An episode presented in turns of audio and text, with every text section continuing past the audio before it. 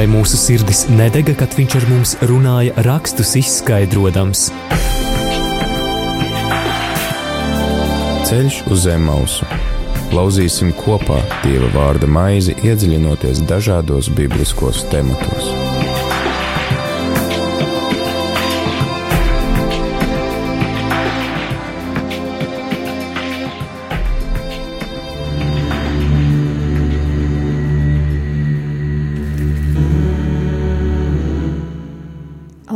Klausītāji! Pūkstens ir 17.02. 21. Mā, februāris, vēl mārts, 21. februāris. Un, un, un sāk skanējuma raidījums Ceļš uz Zemausu, kā jau katru ceturtdienu. Šis ir raidījums uh, par Dievu vārdu, par Dievu vārdu skaidrošanu, lai, lai šis Dieva vārds kļūtu mums tuvāks, lai tas iedzīvotos mūsu sirdīs, mūsu ikdienā un nestu augļus mūsu dzīvēs. Un katru reizi mēs aicinām studijā viesus no dažādām konfesijām.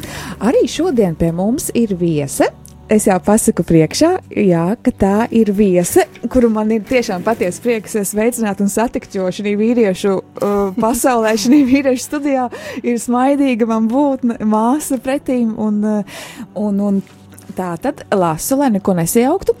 Tā tad ir teoloģijas doktore, Latvijas apvienotās metodistu baznīcas Rīgas pirmās metodistu draudzes mācītāja, kas ir sabata gadā šobrīd, Astra Dannenfelta. Labvakar, Astra! Labvakar! Kā jūs jūtaties? Oh, es jau esmu šeit otro reizi, nu jau jūtos drošāk, jo saprotu, ka visas tās pogas nav briesmīgas, bet ir palīdzošas. Un ka pašam pogas nav jāiztiek. jā, kad, jā. jā, galvenais ir noturēt stāju mikrofonā. Man prieks. Uh, bet šī radījumā tomēr esat pirmo reizi, vai ne? Jā, jā, jā. Man ir tiešām ļoti liels prieks, jo arī šodienas tēma ir tāda, nu, man tā šķiet uh, diezgan grūta un noslēpumaina. Uh, un to, protams, pierastāk ir, ka skaidro um, parasti nu, priesteri, mācītāji, protams. Un, bet, kā mēs zinām, tad Dievs runā arī caur sievietēm, ne mazāk kā caur vīriešiem. Un, un, uh, un tieši arī Dievs jūs ir atvedis šeit, un arī tāpēc jūs šovakar skaidrosiet šo rakstu vietu. Uh, un šovakar tā būs rakstu vieta no pirmās mūzes grāmatas. 14. nodaļas, no 17. līdz 24. pantam. Un tā rakstu vieta ir par Melkizedeka, kas ir Dieva augstais priesteris, par viņa svētību Ābramam. Jā, Jā uh, bet pirms mēs ķeramies klāt lasīšanai un rakstiem, es uh, uzzināju, ka ir tāda bibliodrāma, Jā. kuru, jā, kuru jūs vadat. Tie ir kā Bībeles studiju semināri, vai kas tas ir? um, tas ir ļoti radošs process.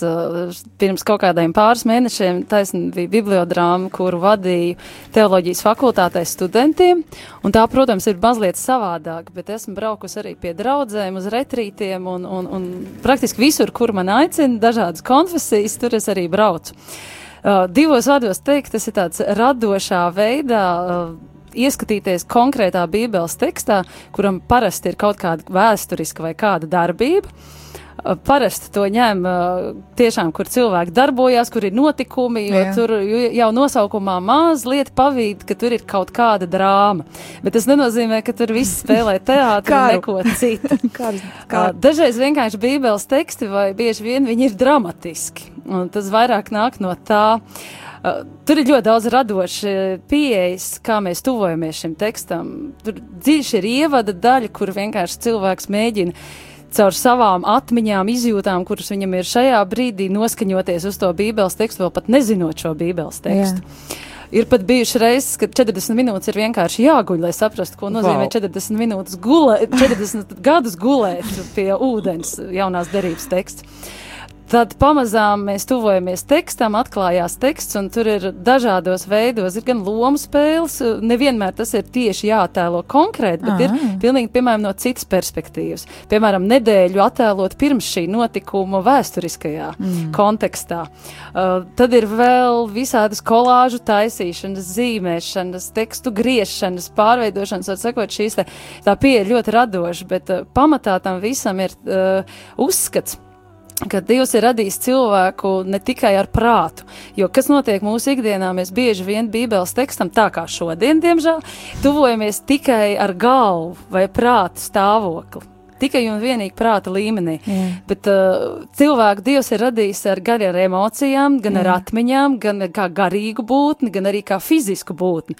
Un tāpēc šī mazliet radošā vai diezgan radošā pieeja ir tāda, kur uh, tiek šis bībeles teksts iznests gan caur ķermeņa pieredzi, gan atmiņu pieredzi, gan konkrēto grupas pieredzi. Ļoti daudz teksts spēlē arī uz grupas savstarpējām attiecībām, Jā. tas arī ir interesants mo motīvs.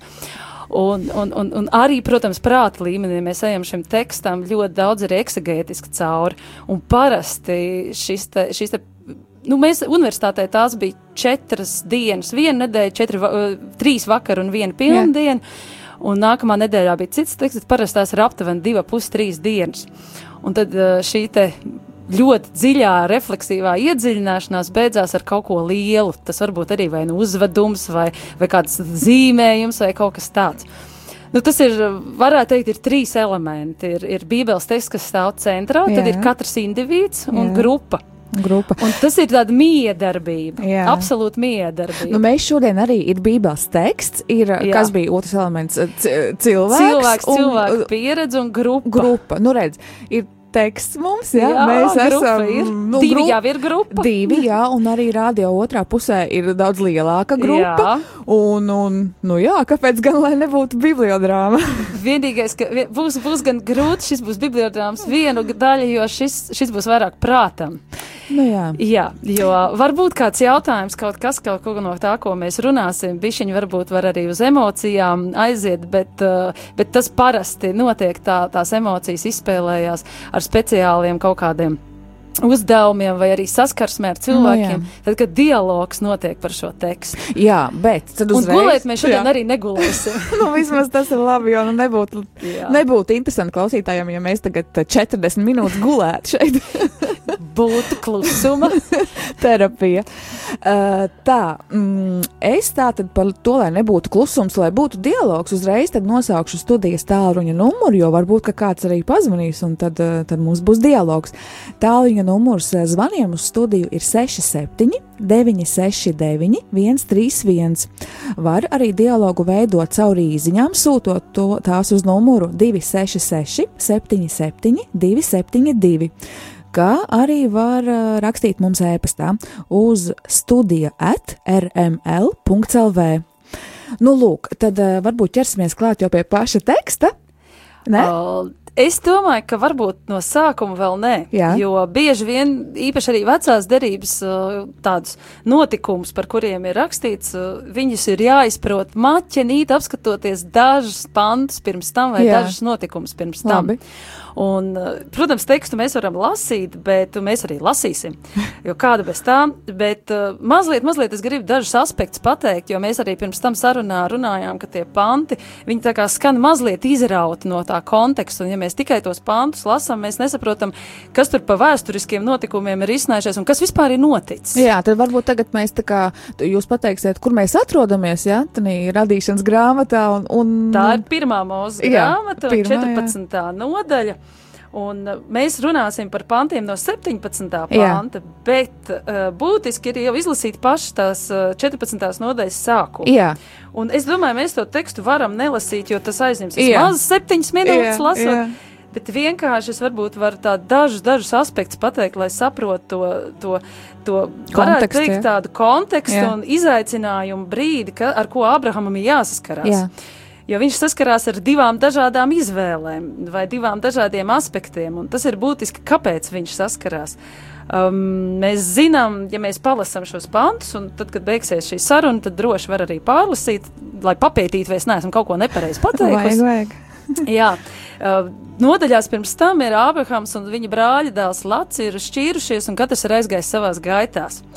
Un Ābrams ir devies savās gaitās un dzīvo tādu visnotaļ, nu cik nu var būt daudz maz mierpilnu dzīvi, jebkurā gadījumā viņam nav tik traģisks tas liktenis kā Latam. Latams ir, Lats ir devies uz Sodomu, un Lats ir domājis pievērst Sodomas iedzīvotājs dievam. Uh, tā varētu teikt, lai, lai, lai kaut kādā, nu, kā mums šodien saka, evanģelizēt. Ja? Jā. Bet nu, tas vecās derības kontekstā noteikti nav domāts. Bet viņš ir domājis pievērst Sodomas iedzīvotājus dievam un runāt par viņiem. Un interesanti ir tas, ka viņam nekas neizdodas. Viņam ne tikai nekas neizdodas, viņu šie cilvēki ne, Bet viņu nedzird. noevaņģelizēja drīzāk, Nē, ja? viņam nekas nesanāk. Protams, var domāt un pārunāt, kāpēc tas tā ir noticis, bet tas varbūt šobrīd nav tik izšķiroši, bet uh, notiek uz visa šī fona, notiek konflikts, notiek ļoti valdošs konflikts starp uh, četriem ķēniņiem, kas ir nāk no divupes, uzbruk pieciem kanāniešu ķēniņiem. Jā. Intereses pēc var arī apskatīties šo ķēniņu vārdus, ko jūs jau atzīmējat, viņus gandrīz vispār nevar izrunāt. Jā. Bet uh, četru ķēniņu no divas vārdu vairāk simbolizē kaut kādu, teiksim, tādu dvēselisko dzīvi. Tas ir kurā pantā ir šie Uh, četri ķēniņi? Tie ir 14. nodaļas. Jā. Uh, Varbūt varam pamēģināšu izlasīt viņus. Tā tad 8. pantā ir, kad iznāca Sodomas ķēniņš, Gomoras ķēniņš, Admas ķēniņš un Cebojimas ķēniņš. nu, Tie laikam ir ne tie četriem. uh, es tagad runāju par divu, un, un uh, tā, tā, tā. Es, nu 14. panta, uh, 14. nodaļas pirmā pantā. Pirmajā Amrāfa, Elasārs ķēniņš, Arjoha, ah, jā, un, un par šiem tie ir divi ķēniņi. Nu, viņu vārdi simbolizē vairāk tādu cilvēku prātu, gribu, saprātu, uzvaru, un tie pārējie kanāniešu ķēniņi, kuri iznāca pretī, oh, tur ir interesantākas lietas. Tur ir um, uzturēties tādā kā ļaunumā, negodā un ienīst, un tas vairāk simbolizē, protams, šīs ir arī vēsturiskas personas, to at, at, atpazīst vēstures liecībās, bet tie vārdi vienmēr arī vecajā derībā un arī jaunās derības laikā bija ļoti simboliski, ko cilvēkiem deva.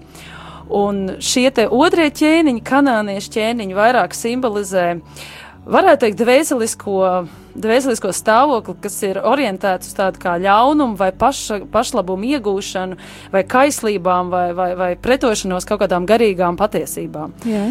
Nu, un kas ir būtiski, kad šis lats ir nonācis šo te divu uh, konfliktējošo lielo spārnu nu, laukā. Un uh, viņiem risinās konflikts, notiek karš, Lats tiek paņemts, sagūstīts un uh, kā kanānas iedzīvotājs, lai gan viņš patiesībā nemaz nebija piederošs kanāniešu kultūrai, bet tā kā viņš tur dzīvoja, tad tika uzskatīts, ka viņš tāds arī aptuveni ir un tiek ieņem, saņemts gūstā. Un lietas būtība ir tāda, ka Lats ir nonācis un kļuvis, varētu teikt, citu valdošo varu konfliktu upuris. Viņš ir zaudējis savu brīvību, Lats ir zaudējis arī visu, kas viņam pieder, un viņš ir kļuvis upurs un ir zaudējis. Un patiesībā viņš pat ir kļuvis, ja varētu tā teikt, eh, citu cilvēku konfliktu upuris un ir pazaudējis eh, paš, pašnoteikšanās, cieņu, brīvību elementāri. Un būtībā viņš ir paverdzināts no citu konfliktu rezultātā. Jā. Un man tas, kāpēc man likās arī to ļoti būtiski pieminēt, jo man tieši par šo domājot, liekas, ak, Dievs, cik mēs bieži nonākam citu cīņu lauku malā un tiekam ierauti savstarpējās, nezinu, konkurencēs, cīņās, naidos. ceļā. Jā, mēs vienkārši pagadamies ceļā un mēs kļūstam par upuriem. Un kas notiek tālāk? Un par to mēs lasīsim, jā, taisni tajā vietā, uh, kas, kas, kas ir vairāk šīs dienas teksts, kur Ābrahams ir nācis savu brāļa dēlu glābt, un tad viņš ir uz, izcīnījis būtisku uzvaru, un viņš ir atbrīvojis no šo latu. Jā. Tad uh, tagad uh, šodienas tekstu par šo Melkisedeka svētību lasīsim pēc mūzikas pauzes, varbūt, jā? Jā, Jā, labi, tad aizjām īsā mūzikas pauzē.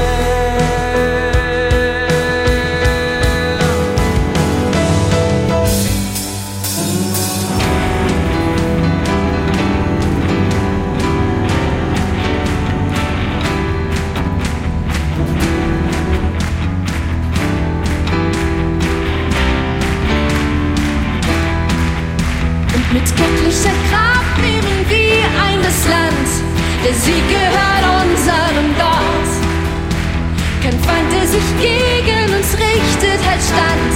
Der Sieg gehört unserem Gott mit göttlicher Kraft. Mit göttlicher Kraft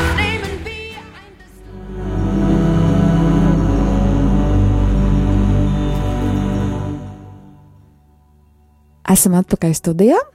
Eh, Neliela, neliela interpretācija sanāca mm, ar dziesmām. Bet viņi bija par tēmu, Jā, par tēmu, protams. par uzvaru dievā. Aleluja! Tā tad eh, uzvarējām dziesmas, uzvarējām tehniku, un tad eh, tagad varbūt es nolasīšu tad eh, pirmās mūzes 14. nodaļas raksta vietu no 17. panta līdz 24. pantam. Tā tad, un Sodomas ķēniņš gāja tam, tas ir Ābramam pretīm savas ielā, tas ir ķēniņu ielā, pēc tam, kad viņš, Ābrams, bija atgriezies no Kedarlaomera un to ķēniņu sakāvis, kas bija ar to. Un Melkisedeks, Salemas ķēniņš, iznesa vīnu un maizi, un viņš bija visaugstākā dieva priesteris. Un viņš to svētīja un sacīja: Lai svētī Ābrāmu visaugstais, kam pieder debesis un zeme, un slavēts lai ir visaugstais dievs, kas tavus ienaidniekus devis tavās rokās. Un Ābrāms deva tam desmito tiesu no visa, kas tam piederēja. Tad Sodomas ķēniņš sacīja viņam: Dod man dzīvos, bet mantību paturi sev, un Ābrāms sacīja Sodomas ķēniņam: Es paceļu savu roku uz to kungu, visaugstāko dievu, kam pieder debesis un zeme. Nevienu pavadienu, nevienu kurpju sikstu es neaiztikšu, nedz ko no tā, kas tev pieder, lai tu neteiktu, es esmu Ābrāmu darījis bagātu. Tikai to, ko šie jaunekļi ir patērējuši, un to vīru tiesu, kas nākas tiem, kas nākuši man līdzi, Anērs, Eškols un Māmre, lai ņem savu daļu. Jā, Jā, raksta vieta ir beigusies. Nolasīta. Nu, es, kā jau teicu, man šī raksta vieta mm, šķiet diezgan noslēpumaina un arī neizprotama, jo, kā redzam, 17. pantā iznāk Sodomas ķēniņš, pēc tam pēkšņi parādās, atnāk Melkisedeks, svētīja Ābramu, pēc tam aiziet un atkal turpinās saruna ar, ar Sodomas ķēniņu. jā. Jā, Man ir tāda ļoti laba, liela, skaista iztēle. Man kaut kā liekas, ka tas tāds liels kalns vai ieleja, un, un es pilnīgi redzu, kā šie ķēniņi nāk ar daudzām, viņi jau nenāk vieni ar pastelām pār kalnu, bet nāk ar diezgan daudziem cilvēkiem, kas viņu pavada, un tā tāda ķēnišķa vizīte pie Ābrama, un tā ir tāda um, ļoti liels uh, pagodinājums Ābramam, jo viņš ir izcīnījis uzvaru.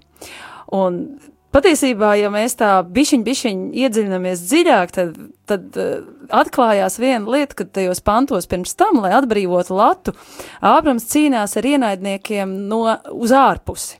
Tie ir agresori, kas ir paņēmuši šo cilvēku, un, un Ābrams ir ņēmis un viņu atbrīvojis. Beidzot ir uz, gūta šī uzvara. Un kas tagad notiek šajā uzvaras eh, brīdī, šajā brīdī, kā Ābrahams stāv pašā augstākajā, varētu teikt, simboliski kalna brīdī? Viņš saskarās ar nevis vairs ārējiem izaicinājumiem, bet viņš saskarās ar jau daudz savādākiem izaicinājumiem. Izaicinājumi, kas ir uz iekšpusi vērsti, uz viņa garīgo pasauli un dvēselisko dzīvi. Un, um, jā, varētu teikt, ka šobrīd tiek kairināta, es neteiktu kaitināta, bet kairināta Ābrama dvēseli. Un pat nedaudz, varbūt, tomēr patmīlības iespējas vai slabas iespējas, jo viņam ir divi piedāvājumi viens, viens uh, ķēniņš piedāvā vienu lietu, un otrs piedāvā otru.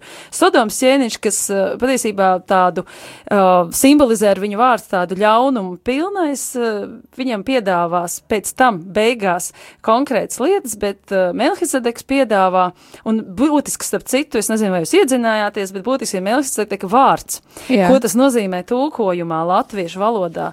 Tas ir izšķirošs, tas ir taisnuma un taisnības ķēniņš.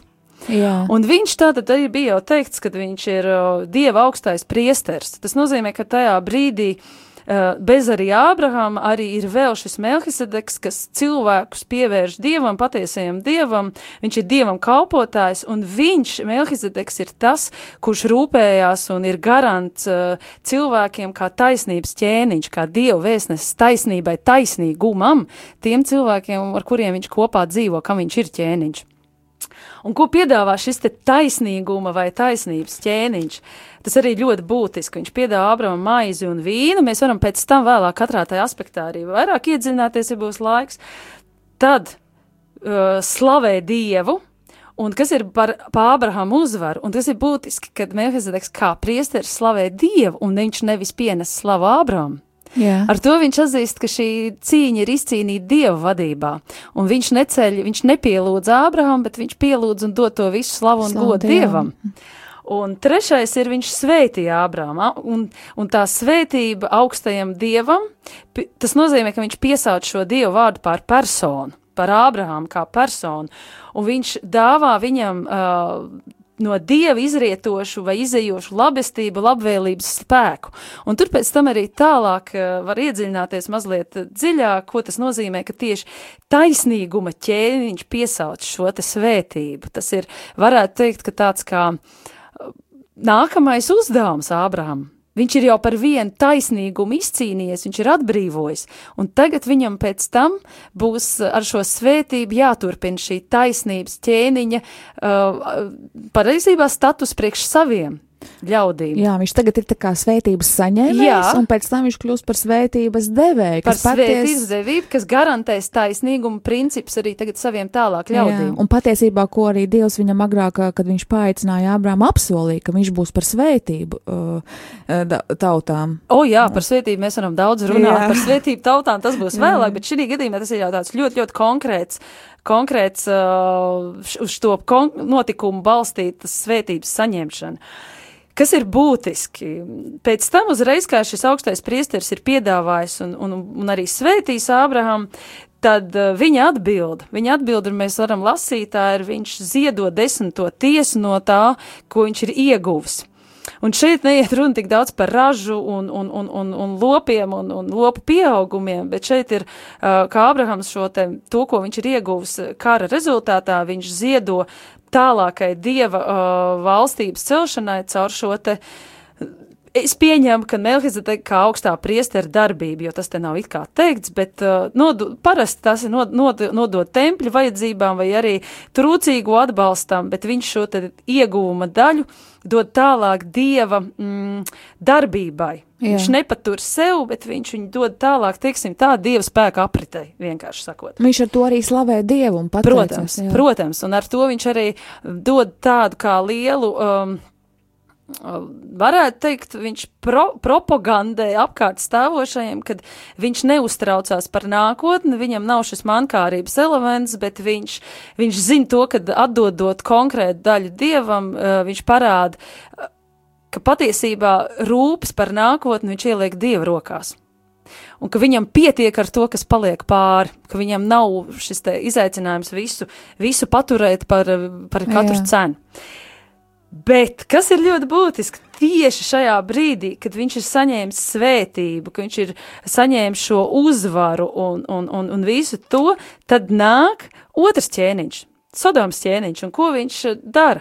Kārdina. Viņš, nu jā, varētu teikt, ka kārdina, vai kā es saku, viņš kairina konkrētas um, Abrahama, um, nu, tādas niansītes, ko nu var iz, izkairināt. Uh, Jo bieži vien man ir jāsaka, ka tieši tādā ļoti augstā uzvaras epicentrā, kad atrodas cilvēks, tad līdztekus šai lielajai svētībai un šai uzvarai nāk arī tāds dvēseles kairinājums vai kārdinājums. Un šīs abas lietas iet ļoti roku rokā. Liela svētība iet rokā ar lielu lieliem izaicinājumiem. Es pat teiktu, tie ir tādi izaicinājumi. Nu, drīz, un tas varbūt arī tāpēc tieši tā, kā šeit, kad parasti cilvēks kūst kādu uzvaru, jā, viņam ir nedaudz, nu, tendence tā kā, nu, pat, nu, nevis sev patāt paldies, bet, bet, nu, domāt, ka tomēr, ka viņš arī te ir ieguldījis. O, jā, sevi ir... nolikt tajā pirmajā jā. vietā un patiesībā arī aizmirst par to, ka viņš ir varbūt pateicība liela parāda arī saviem biedriem un īpaši arī, dievam jā. un dievu nu, vadībai. Jā. Un tad, kad eh, tādas, nu, notrulinās šīs te maņas un, un, un tad arī tad arī nāk kārdinājums, un tad bieži kārdinājumi nāk vienmēr. Tad ir jautājums par maņām. Tieši jā, tā. Jā, jā. Un īstenībā ir jautājums par to dievu tūmu katram pašam un tā. Un, jā, bet kas tad ir šī gadījumā tas, tas, tas, tas kas varētu, varētu būt tas, tas klupšanas akmens? Un tur ir nedaudz, nedaudz dziļāk jāiedziļinās par to, jo būtiski ir tā motivācija, kāpēc Ābrahams ir devies šai kaujā. Viņš nav devies tāpēc, lai iegūtu mantu, vergus līdzekļus, bet viņš ir devies, lai iegūtu brīvību savam brāļa dēlam. Un, jebkurā gadījumā, uh, viņš ir dieva aicināts uz šo atbrīvošanu. Jā. Un tā ir tā viņa svarīgā motivācija kara gājienam, un tas ir tiešām ļoti, ļoti būtiski, jo ar šo te uh, Sodomas ķēniņu piedāvājumu atbrīvot cilvēkus un paturēt visu mantu sev, tiek, uh, varētu teikt, kārdināta tagad pieņemt vai šai kaujai citu motivāciju. Jo, ja tajā brīdī kaujai vairs nebūs atbrīvošanas aspekts, Jā. priekšā nenostāsies šī atbrīvošanas Jā. ideja, bet tajā brīdī, kad ja Abrahams pieņem šo te, nu, varētu teikt, diezgan kārdinošo piedāvājumu paturēt visu naudu, visu mantību, visu, visu, visu sev, tad viņa kaujas motivācija vairs nebūs atbrīvošana. Viņš vairs nesagos šai atbrīvošanas idejai, bet viņš uh, būs patiesībā devies karā, lai iegūtu pašlabumu, lai iegūtu mantu, lai iegūtu vergus, un tad jau mainīsies šī viņa darbības motivācija. Jā, pat ja viņš īstenībā karā devā, devās, un viņš arī devās savu radinieka dēļ, bet ja viņš šo te pieņemtu, šo te, te atalgojumu, šo mantu, kas viņam it kā pēc tā laika tām paražām arī pienācās, jo viņš uzvarēja karā, un viņam pienācās uh, dabūt šo laupījumu, bet, bet viņš no tā atsakās, jo, jo tieši tā, lai, lai nevarētu viņam, nu, it kā pierēķināt piesieties. Jā, piesieties. Nē, jā, nu, tas pies... tā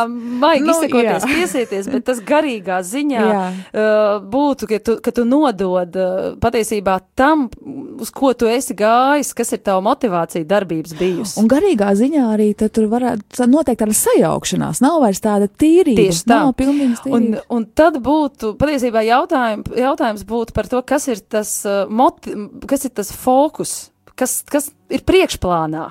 Jā. Vai ir priekšplānā šī garīgā ideja vai, cī, vai cīņa par taisnīgumu, vai iziet pašlabumu? atrašana, tieši kā fokus. Nu, tieši. Jo tas, ka, protams, karā tu kaut ko iegūsti, vai arī labus darbus darot, mēs arī ikdienā iegūstam kaut kādas vē, pievienotās vērtības. Tas jau nav nekas slikts.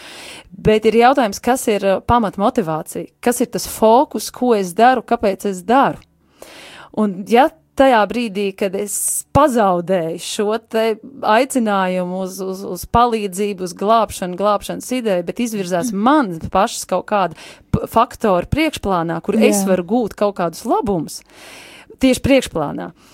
Tajā brīdī tiek šī kauja izstāsta pilnīgi savādāk. Tajā brīdī šī kauja varbūt ārēji ir uzvarēta, bet iekšēji ir pilnīgi cits, kas ir aicinājis tādā doties uz kauju. Tie vairs nav dievišķie aicinājumi Jā. momenti. Tas ir jau tāds diezgan, varbūt šī gadījumā merkantīls idejas. Un tas uzreiz savādāk liek izskatīties šai uzvarai. Un arī pēc tam arī ir iespējams, nu, notiks tāds process, būs atkal jāattīrās. Ja, piemēram, kad Dievs paaicināja Abrahāmu, viņš jau viņu, viņam lika atstāt gan tautu, tas ir gan savu kultūru, gan, nu, visas tās. Tēva māja. jā, tieši tā. Un, jā. Bet, ziniet, kā tas jau tur jau palas tālāk par Abrahamu, un tā tur viņam arī tā ceļš būs augšā, lejā, augšā, lejā. Un tas ir tāds normāls ikdienas ceļš, Jā. kad tu ej, tu aizēji divus soļus uz priekšu, vienu tev jāiet apakaļ, un tad tev ir jāpieņem tādi lēmumi un jāizdomā tas un tas, un ne jau vienmēr mēs to visu izdarām pareizi.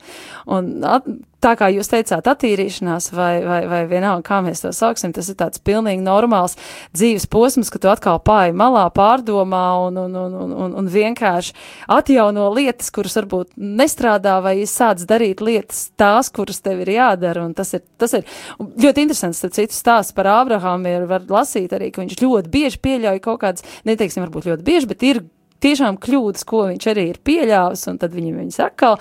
Tad tas ir tāds mūsu ikdienas normāls ceļš.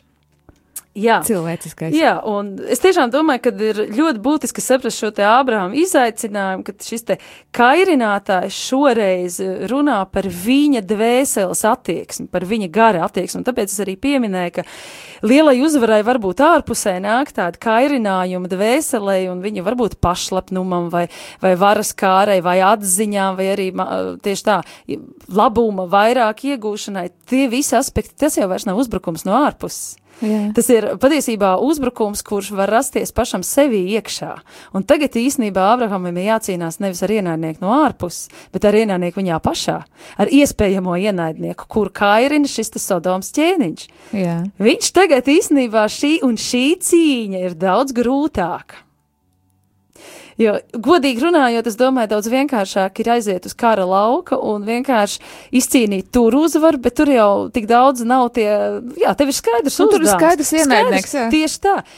Bet tas, kas notiek katra cilvēka iekšā procesos, nu, teiksim tā, es varu iesaistīties labdarībā, un man, piemēram, piedāvā Procentus vai- vai nezinu, nu, kaut, atlaides, kaut vai- kādus melnus darījumus, un tagad pieņemt, nepieņemt, aiziet garām. Nu, tas tādā vienkāršākā formā, bet var arī būt ļoti sarežģīti arī par attiecībām, ka tu vari iesaistīties, piemēram, ar kādu draugu, un, un, un, un, un tiešām tā kā šajā karā nonākt ar viņu kritiskā punktā, ka tu sāc saprast, ka tu caur šo cilvēku attiecībās tu nevis viņam jau vairs palīdz, kā tu esi iesaistījies, bet tu saproti to, ka tu mm, vairs nedomā tik daudz par šī cilvēka harmoniju, bet tu bet pats esi kļuvis uh, šīs te darbības. Uh, Nu, teiksim tā, vadošais faktors, jo cilvēks pēkšņi kaut ko sāk darīt savam draugam, lai pats labāk justos. Lai iegūtu kaut ko no viņa. Tās tādas smalkas, dvēseliskas nianses. Nu, es te šeit pieminēju tādu vienu motīvu kā labdarība, ko nozīmē citam darīt labi, ko, ko nozīmē arī, piemēram, cīnīties par citiem cilvēkiem. Jo daudz mēs bieži ikdienā varam prasīt, kas ir tas pamat fokus, kāpēc es to daru. Tāpēc, ka man nav ko darīt, tāpēc, ka mana dzīve varbūt ir tukša, vai arī tāpēc, ka patiešām es to gribu darīt, jo man tur aicina Dievs un tā ir mana sūtības vērtība. Un, jo, ziniet, ir tādi ļoti daudz pasaules lāpītāji vai, vai, vai, vai nu, Nu, Tas ir kas? Kuri ir pasaules nu, laupītāji? ir tādi cilvēki, kur, kuri, kuri ļoti daudz dara, viņas pasaules dažādos projektos, viņi visur iesaistās, iesaistās katrai pudelē ir par korķi, viņas mm -hmm. tikai pasauc, un tad kaut kādā brīdī tur redz, ka tas cilvēks īstenībā, nu, tagad ne jau par kādu konkrētu cilvēku runājot, bet tādā brīdī tu redz, ka tas cilvēks, kad uzprasa, "A, kāpēc tu to dari, vai tev ir arī kaut kāda mierpilna perioda, vai tu jūties, nu, kāpēc tu mm -hmm. to dari? Un tad cilvēks pats īstā nevar pateikt, un viņš ir īstenībā pazaudējis sevi. Jā. Viņš ir pazaudējis sevi, un, un tu saproti to, ka Dažkārt daudz cilvēki dara uh, labas lietas, uh, lai varbūt aizbēgtu no savām problēmām. Jā, tā ir. Labi, mēs jau te aizrunājāmies, bet, uh, bet jebkurā gadījumā Abrahamam bija šī cīņa, nu, ne par labdarību šī gadījumā vairs, bet šī cīņa ar izaicinājumiem, kur viņš varēja pazaudēt šo te garīgo uzvaru un ieiet, uh, jā, kairinājumos, uz, dabūt papildus vērtību, papildus tas, kas patiesībā nemaz viņam nav vajadzīgs. Papildus lietas, kas viņam nav vajadzīgs, jo Dievs viņu aicina pilnīgi citur. Tātad, bet viņš šo, šo, šo, šo pārbaudījumu, kairinājumu tomēr izturēja. Jā, Jā, tas, tas ir brīnišķīgi. tas ir brīnišķīgi. Un par velti uh, mums svētie raksti arī saka, ka Abrahams ir visu ticīgo tēvs un, un jaunās darības kontekstā viņš ir, protams, arī, arī mans un jūsu un tavs klausītāja tēvs. Viņš ir katra ticīgā tēvs un, un ticība šeit tieši ir paļaušanās uz Dievu, un paļaušanās uz Dievu arī iekļauj šo te slavas atdošanu un uh, viņa goda meklēšanu un Dieva aicinājumu piepildīšanu, nevis tikai kā mēs teicām, nu, darīt un lāpīt pasauli, jo bēgu no sevis, bet tieši atrast šo savu vietu un būt īsti, būt tajā vietā, kur Dievs ir nolicis. Tā, pabeigsim raidījumu pēc mūzikas pauzes, kad eh, kā savilksim kopsavilkumu un pask- iz, pa- iziesim ātri arī pa, pa pēdējiem vēl šiem diviem pantiem, ja? Bet tad, jā, tagad aiziesim mazā atpūtā. Ja tev klausītāji ir ko pateikt vai, vai uzrakstīt, tad tu vari vēl to paspēt izdarīt. Pat telefona numurs 67 969 131, īziņām telefona numurs 266 77 272 un, nu, e-pastu arī vēl var paspēt studija at rml.lv. Through every battle, through every heartbreak, through every circumstance, I believe that you are my fortress. Oh, you are my portion. You are my hiding place. Oh, I believe you are away. Feel true in the light.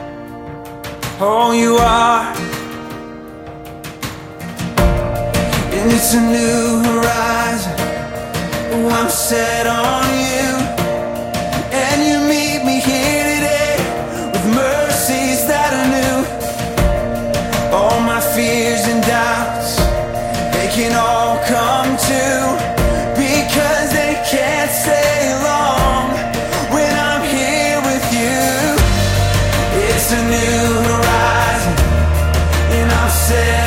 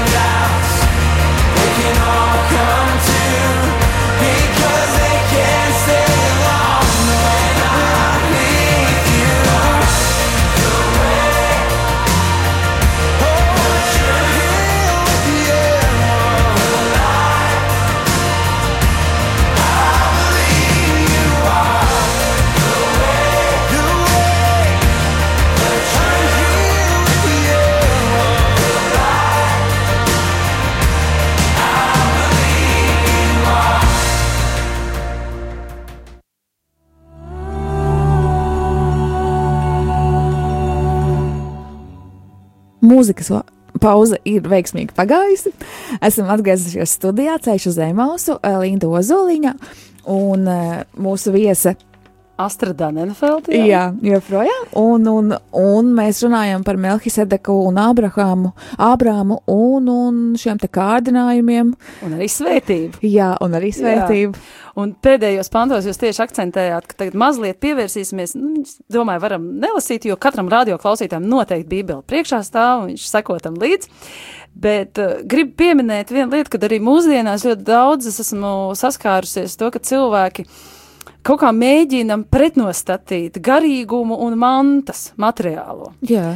Uh, Nu, ne, nerunāšu par uh, reliģiskās uh, attīstības vēsturi, ka tas ir tāds izteikts helēnisma ietekme, bet uh, jāatzīmē tas, ka vecajā derībā, šajā vecās derības kontekstā, mēs redzam, gan Iebs bija dieva svētīts un bagāts, gan arī Ābrahams bija dieva svētīts un bagāts. Vecās derības kontekstā un, un kristietība ir uz ebreju bāzes. uh, Ir. Ir, jā. Tas nozīmē, ka tas arī mums kristiešiem ir saistoši ka mēs, uh, mums ir jāsaprot mūsu arī kaut kādā ikdienas dzīvē, kad mēs nevaram nosodīt, ja vienkārši kāds cilvēks ir bagāts. Uh, jo pēc bibliskajiem principiem manta, labklājība vai, nu, kā mēs sakām, bagātība pati par sevi nav slikta. Viņa pat uh, tādā ziņā, ja cilvēks ir veiksmīgi strādājis savā jomā un tur, kur Dievs viņu aicina, vai godprātīgi tiešām strādājis, tas liecina par Dieva svētību šim cilvēkam. Jā. Tāpēc tas tā arī uzmanīgi arī no šī te teksta var izlasīt, kad um, Ābrahams arī saņem šo svētību no Dieva arī ne tikai garīgā ziņā, kā uzvarētājs, bet arī materiālā, fiziskā ziņā ir šī svētība. Jo svētība nav tikai un vienīgi kaut kāds tāds pulverīts, ko tā neredzam izkājas pār cilvēku. Uh, jautājums ir vienkārši bišķiņ cits attiecībā uz materiālo un garīgo un svētību un tā. Kas ir šis izaicinājums Ābrahamam? Nepieņemt to, kas nav vajadzīgs viņam. Nepieņemt to, kas nav viņam no Dieva paredzēts, nepieņemt pārāk daudz, nepieņemt patiesībā to, kas var radīt tālākas problēmas. Un tas arī mūsdienās ir bieži vien izaicinājums pieņemt kā svētību to labklājību, kas ir, bet nepieņemt jau pārāk daudz, tik daudz, varbūt šos te, nezinu, iespējas, mantu un tam līdzīgi, ka tas jau sāk tev paverdzināt. Ābrams tāds kā tāds ļoti gudrs šeit parādās, jo viņš jau Tāpēc jau viņš ir tur tajā nu. Jā, jā, jo redz, kā tur, kur viņš saka, ja, ka viņš neņems to mantu ne no, no lielām mantām, ne pat līdz vismazākajam sīkumam, lai, lai šis te sodoms ķēnīgs neteiktu, ka Tieši viņš tā. ir darījis Ābram. Tieši tā, tieši tā. Jo viņš ir saņēmis jau svētību no Dieva, Jā. kā arī konkrēti labklājībā. Tā nu tas ir. Uh, Bet, jebkurā gadījumā, šī svētība, es tā arī uh, vakardien domājot par svētību, domāju, kā, nu, kā parasti cilvēki definē, un ļoti interesanti, ka es atradu vienā vārnīcā, uzgāju Oksfordas vārnīcā, ka Dieva svētība tiek sarunu valodā, tieši Dieva svētība Jā. sarunu valodā tiek uh, formulēta kā ļoti daudz kā. Ļoti daudz. kā. Ļoti daudz ļoti kā. labs formulējums. Tieši tā man likās ģeniāli, jo tas var būt gan, gan tiešām šīs te fiziskās lietas, materiālās lietas, varbūt kaut kāds notikums, kas izdodas, elementāras lietas, ko mēs kaut kādā ikdienā darām, un viņas vienkārši izdodas. Un, un tad mēs arī runājam par šo te svētību, ka Dievs ir tā kā mm, varētu teikt šis te garants, ka darot elementāras lietas, mēs paļaujamies ne tikai uz savu spēku, bet paļaujamies uz šo te dievišķo pieskārienu, dievišķo vadību, un šīs lietas izdodas, viņas bieži vien izdodas labāk nekā mēs esam iecerējuši. Un kas vēl ir tāda svētība, ko es domāju, ko Ābrahams saņem pašās, pašās, pašās beigās, ir uh, ne tikai šī labklājība, bet arī emocionāli, tiešām garīga tāda veselība. Viņš ir nobriedis. Viņam ir arī piepildīta, un viņš ir izdarījis šo te harmonisko izvēli, šo te Jā. gudro, viedo izvēli, ar ko viņš ir arī apstiprinājis to, ko viņam Melkiseteks uh, piedāvāja, tā būt taisnīguma ķēniņam un būt taisnības ķēniņam. Uh, Mēs par to runājām intervijas Jā. sākumā, jā. Bet es saprotu to, ka mums ir uh, bišķiņ, bišķiņ jau jābeidz, jā. Mums ir Laiks ir palikušas- palicis ļoti maz, jā, dažas, Jā, un dažas tā kā, tā kā neviens klausītājs mums nepiezvanīja, tad man ir jautājumi tādi pāris, ko es sagatavoju, par ko katrs var vienkārši aizdomāties.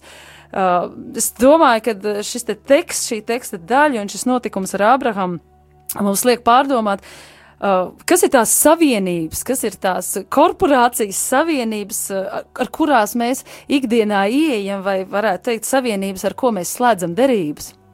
Bet ne derības tādā ziņā, kā, kā uh, derības, kas Kurš ko, uzvarēs, Kurš jā. uzvarēs, bet uh, ar ko mēs, Mēs slēdzam, vienojamies, jā. vienojamies, un kas ir tā motivācija, kāpēc mēs ieejam tajās savienībās. Jā. Uh, tieši tāpatās, vai tas ir vairāk kaut kāda spiediena rezultāts, vai, vai atbrīvošanas elements, vai lab, labu darbu elements, un, un arī vai mēs esam caur, caur kurām savienībām patiesībā strādājot, mēs esam pieredzējuši ļoti, ļoti lielu dievu svētību. Un ļoti interesants vēl jautājums ir, kurš ir tas, kas, tas ir tiešām jautājums, ko katrs varbūt klausītājs var pārdomāt, kurš ir tas, kurš šajā brīdī svētī tevi? Ne tikai Dievs, bet kurš ir tas, kurš tavā ikdienā tevi svētī? Kādas ir šīs svētības pieredzes un kuru tu varētu pats svētīt? Jā. Tātad šie ir jautājumi pārdomām, eh, lai šiem jautājumiem pārdomātu un arī izdarītu secinājumus un tālāk jau rīkotos, ir vajadzīga vēl viena dieva svētība no tā lielā visa, kā ir vajadzīga gudrība, ir vajadzīga arī šī prāta spēja. Jā, jo, jo dieva svētība nu, nav tikai tā, ka birs no gaisa dievs pateica, un tagad visu laiku dod un leju un leju, un, un nu, ja nesaprātīgam cilvēkam šādas svētības pat dos, nu viņš tāpat tās pazaudēs. Svētībā, Dieva svētībā ir ļoti vēl viens interesants uh, elements. Tā ir uh, paša cilvēka līdzdarbība. Jā. Jo Dieva svētība nevar ienākt mūsu dzīvēs, mūsu realitātēs, ja cilvēks neko pats nedara. Bet tikai viņa Dieva svētība ienāk tieši tajā brīdī, kad mēs paši kaut ko sākam darīt. Jā, Un jautājums ir par motivāciju. Kāpēc? kāpēc? Tā kā Abram, jautājums ir, kāpēc tu dodies kaujā, kā tu izcīni šo uzvaru un nepazaudēt šo uzvaru? Nepazaudēt šo te, uh, fokusu uz to, uz kuru, ar ko tu esi gājis šai cīņā. Jā, tad varbūt šis jautājums tieši tā uz dieva aicinājumu. Un dieva aicinājums nevienmēr varbūt sakrīt ar apkārtējo domām vai ar kultūru vai Bieži vien viņš Jā, tiek tieši jā. no apkārtnes Jā, kairināts, jā. pārbaudīts, izaicināts. Un arī viens no apkārtnes, un otrs, kā mēs jau minējām, ir tas svarīgākais, tie iekšējie kairinātāji, Tieši kas tā. var būt arī kā pieredze, vai nu traumatiska, vai, vai Protams. arī pozitīva. Un arī Protams. no šiem kairinātājiem ir Un, tie, un, un viņi pavadīs visu mūžu. mūsu. Jā, un tāpēc katru dienu ir jāizcīna šī cīņa. Un ko mēs varam novēlēt klausītājiem? Mēs varam novēlēt, lai, lai, lai izdodas, lai katru dienu šī cīņa varētu tikt uzvarēta un, un tādā godā un, un, un slavā, kā to izdarīja Ābrāms, ka, ka viņš Dievu priekšā bija taisns un viņš stāvēja un staigāja Dievu priekšā, ka Dievs arī viņu varēja turpināt svētīdams. Es Svētīt. varētu teikt, āmen, bet es vēl pateikšu vienu papildus lietu, ka jā, mēs esam katru dienu aicināti cīņā, bet nevis cīņai kā tādai, bet mēs esam aicināti gūt uzvaru Dievā. Skaisti. Tad uh, uz šīs arī beidzam. Āmen! Kā Aicināti, teiktu, jā, baznīcā. jā, amen. Un tiekamies pēc nedēļas jau. Visu labu klausītāji. Ā, Labvakar, lai svētīgs vakars! Ar labvakar!